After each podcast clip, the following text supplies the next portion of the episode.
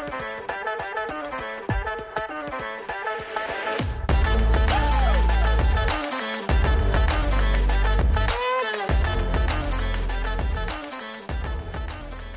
og velkommen til en ny episode av podkasten Verser Oslo. I studio i dag så er det meg, Ingeborg Tennes, og Og meg, Ola Peter Gjessing. Veldig bra. Eh, Vi skal snakke om et av de viktigste temaene for eh, Oslo Høyre, og det er eh, eldreomsorg og betydningen av variasjon og mangfold. Vi er veldig glad for å ha Hilde Helland her i studio i dag. Velkommen. Tusen takk.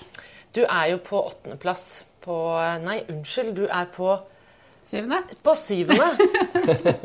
Beklager. Sånn er det. Du er på syvendeplass på listen. Hvordan havnet du der?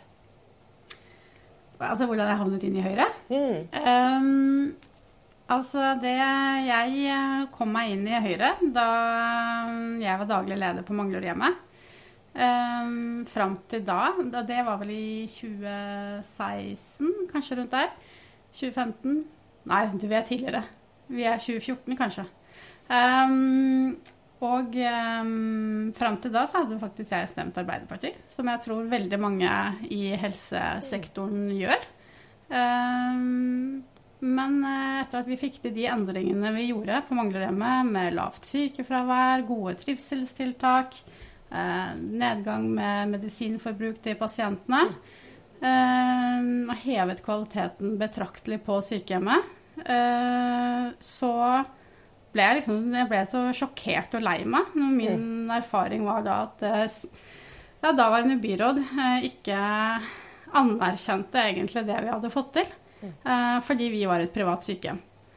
Um, Så det og da- private sto i veien, på en ja, måte? det var liksom Det var min, det var min, erf min følelse og min erfaring og opplevelse. Uh, og da satt, ja, da satt jeg igjen med en sånn følelse Ok, greit, da er det ikke kvaliteten som teller. Da er det hvem som drifter, som er eh, det avgjørende. Og da, da må jeg skifte parti. Si litt om eh, Ok, så uh, Dere fikk til en del på dette sykehjemmet da, da du var leder der. Hva, hva var det dere fikk til? Altså, vi, eh, vi tok over dette sykehjemmet i 2013. eh, Og allerede med en gang så startet vi med eh, endring av Altså omorganisere i forhold til turnus. eh, Få lederne, avdelingslederne opp på avdeling, så vi skulle ha synlige ledere. Um, pusset opp spa. Altså, vi, vi var liksom allerede i gang. Og så hadde jo, da styrte jo Høyre byen, og da var det Aud Kvalbein fra KrF som var eldrebyråd. Eh, Og hun satte i gang et prosjekt som het Bedre hverdagsliv, som vi ble en del av. Eh, hvor da prosjektet gikk ut på at man skulle hente inspirasjon fra Nederland. eh, for å la, og for å se på måter vi kunne drifte sykehjem annerledes, med inspirasjon fra demenslandsbyen der nede. Så det, det var utgangspunktet. Og da ballet det jo på seg. Og med mye gode tiltak.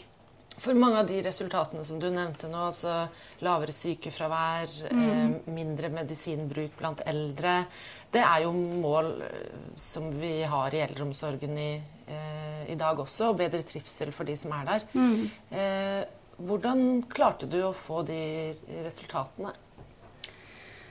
Um, vi var jo en gjeng. Jeg klarte jo ikke dette her alene. Uh, så tror jeg vi var Altså, det var jo ikke sånn at det, var ikke sånn at alle var like glad i at vi skulle sette i gang eh, endringstiltak. For endring kan være både skummelt og skremmende. Men jeg var i hvert fall flink til å poengtere at ok, vi prøver. Altså funker det ikke, så funker det ikke. Og man kan alltid gå tilbake igjen eh, sånn som vi hadde det før. Ja. Og så var jo erfaringen til oss alle sammen at eh, det funket jo.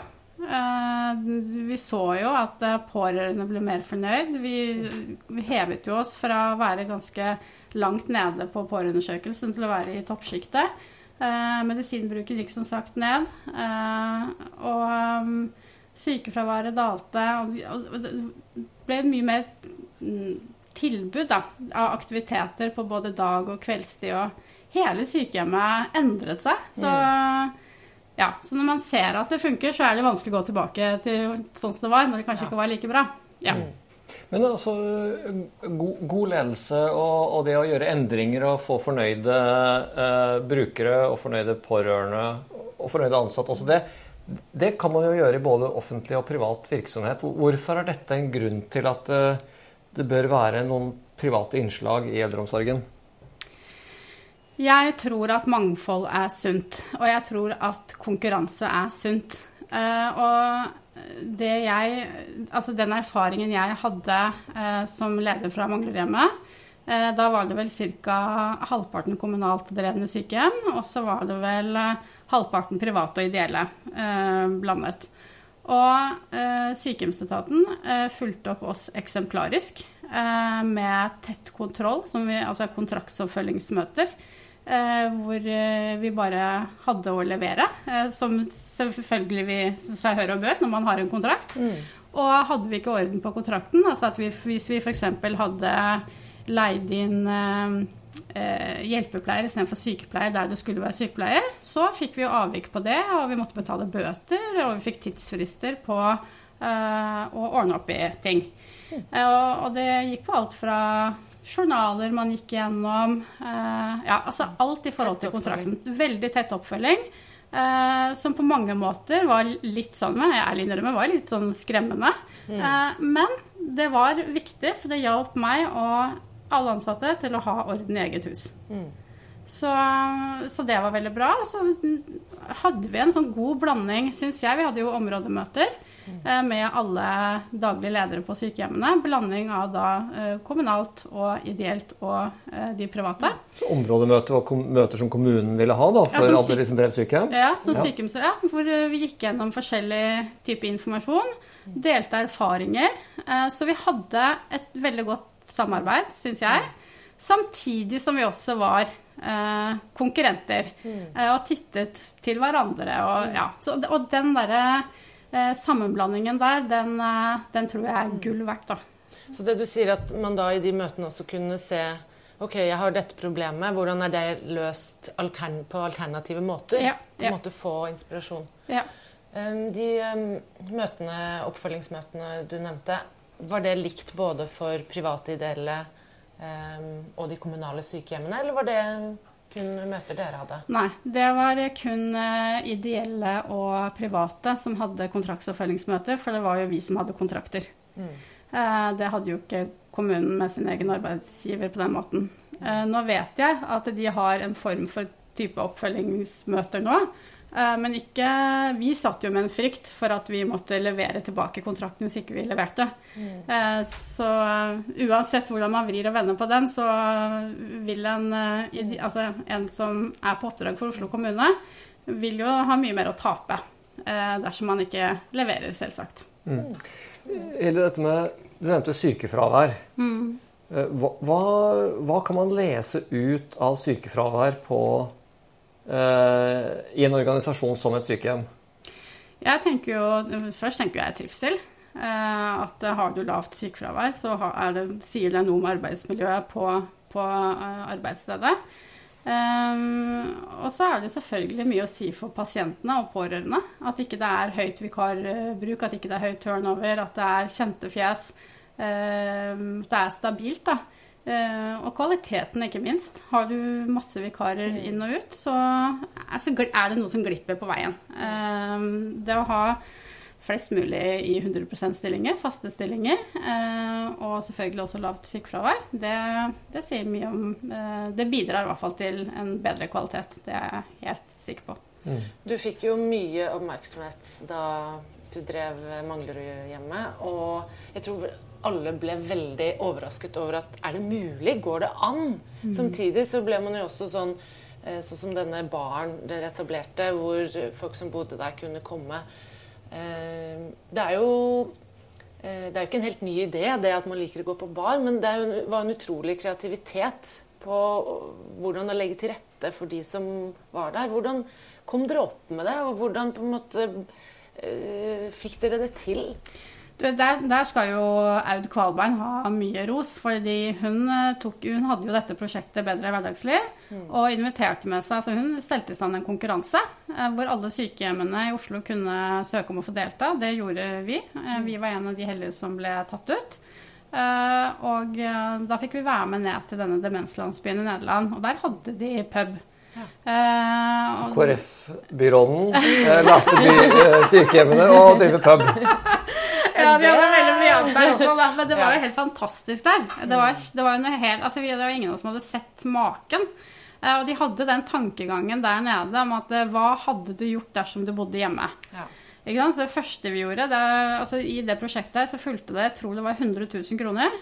Og jeg, i begynnelsen så syntes jeg det var kjempemye. Jeg så for meg at vi skulle liksom trille fram et slott ikke sant? På, i det gamle, slitne blokka på Ryen. Men eh, vi skjønte jo fort at ikke det var, eh, var eh, så mye da når du skal begynne i et gammelt hus. Så det ble mye som ble gjort på, på dugnad osv. videre Men um, nei, så den, dette med puben, det, det var hentet fra Det var en idé fra, fra Nederland. Ehm, men jeg må jo innrømme at uh, altså, vi begynte jo med andre tiltak først, sånn som butikken osv. Mm. Men da var vi liksom i gang, og da husker jeg det var, jeg tror det var fysioterapeuten der som sa «Ah, skal vi ikke ta skal vi ikke ta oss og få, få lagd en pub, da? Og så tenkte jeg å herregud, er det lov? Eller fins det noen regler på dette her? Ja, ja, ja. Men så tenkte jeg ok, når, når vi har kommet dit, at ansatte selv kommer med ideer, eh, da, er vi jo, da er vi jo virkelig på en Da har jo snøballen begynt å rulle. Så nå er det jo så god eh, stemning og sånn, så vi måtte jo bare få til det. Så, eh, men vi søkte jo ikke Det var jo ikke sånn at vi søkte om skjenke, altså, skjenkebevilgning og sånn, for vi, det var jo gratis. Det var ingen som måtte kjøpe. Nei. Eh, Det var jo bare et tilbud. Så enten om du fikk servert eh, alkohol til, eh, til maten oppe i middagen eller der nede, spilte jo ikke noen rolle. Men eh, altså Dette er jo ting som jeg vil tro alle syns dette er bra. Altså, uansett hvor du står politisk, syns du dette her er bra. Så hva, hvor kommer politikken i bildet her? Nei, det var det.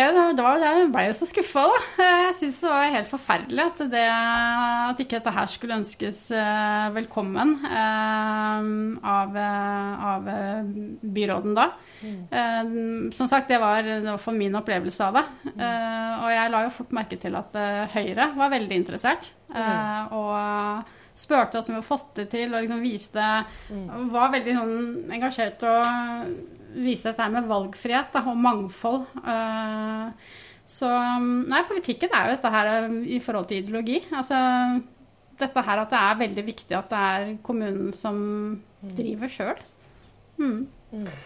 Så, eh, og så har vi jo pårørende oppi dette her. De, ikke alle eldre, men mange eldre har jo pårørende. Og, hva, hva er god kvalitet på eldretjenester sett fra et pårørendeståsted, sånn som du ser det? Jeg tenker at Da vil jeg bare først berømme da vi har jobbet i Bymisjon. Eh, Jeg må berømme de først, at de har eh, veldig godt pårørendearbeid. Iallfall sånn som jeg husker fra da jeg eh, jobbet der. Og har tatt med meg det videre de stedene jeg har vært. Eh, Og eh, tenker først og fremst som pårørende som er det første er vel det at det må jo være det at du føler at din ektefelle eller mor eller far eh, har det trygt på sykehjemmet. Eh, det er liksom nummer én, at man får kvalitet på tjenesten. At du vet at man får eh, de medisinene man skal ha, at det er lege der, at det er riktig personell. Men så tenker jeg også på det at når du eh, at, eh, at det er mange pårørende som sliter med dårlig samvittighet. Eh, og at eh, derfor tenker jeg at det er så viktig at det er innhold på sykehjemmene. At de har et tilbud, eh, sånn at ikke når du går derfra og har vært på besøk, eh, så vet du at nå sitter mamma, og pappa, eller mamma eller pappa eller ektefellen blir sittende da på rommet alene, eller alene i stua eh, og se ut i lufta fram til jeg kommer neste gang. Altså satt litt på spissen. Men, men derfor er det så viktig for meg da, å fylle disse sykehjemmene eh, med, med den trivselen og gleden og eh, ja, trivselstiltak, da. Så miljøtiltak som er eh, mulig å, å, å ha. Mm. Men så er det også denne liksom, selve den direkte liksom, relasjonen mellom si sykehjemmet da, og den pårørende. Eh, er det noe et godt drevet sykehjem kan gjøre på det? Ja, det tenker jeg. Jeg tenker det å sette pårørendearbeid i system er kjempeviktig. Eh, Det at man er nøye med å ha innkomstsamtaler, man har jevnlige oppfølgingssamtaler. eh, Man har en eh, kort terskel, lav terskel for å kunne ta telefoner. At man må opparbeide den tilliten, at man tør å ta de telefonene, også når ting det har oppstått noe som er vanskelig. Eh, og for at du skal komme dit, så tenker jeg at da er man jo nødt til å møtes også på flere arenaer. F.eks. at man eh, har høstfester, man har julebord, man har sommerfester. Altså at man legger lista litt lavt, da, eh, for at man skal eh, kunne møtes også over kaffe og eh, kake, eller hva det måtte være, på både pårørende og pasient og pleiere og ledere. Mm. Og de som er på åpne sykehjemmet litt. Litt lave skuldre. Og mm. ja eh, Slippe folk inn. Ja. Mm. Hva med måling av kvalitet, mer sånn si, formelt og strukturert? Er det noe du har tro på?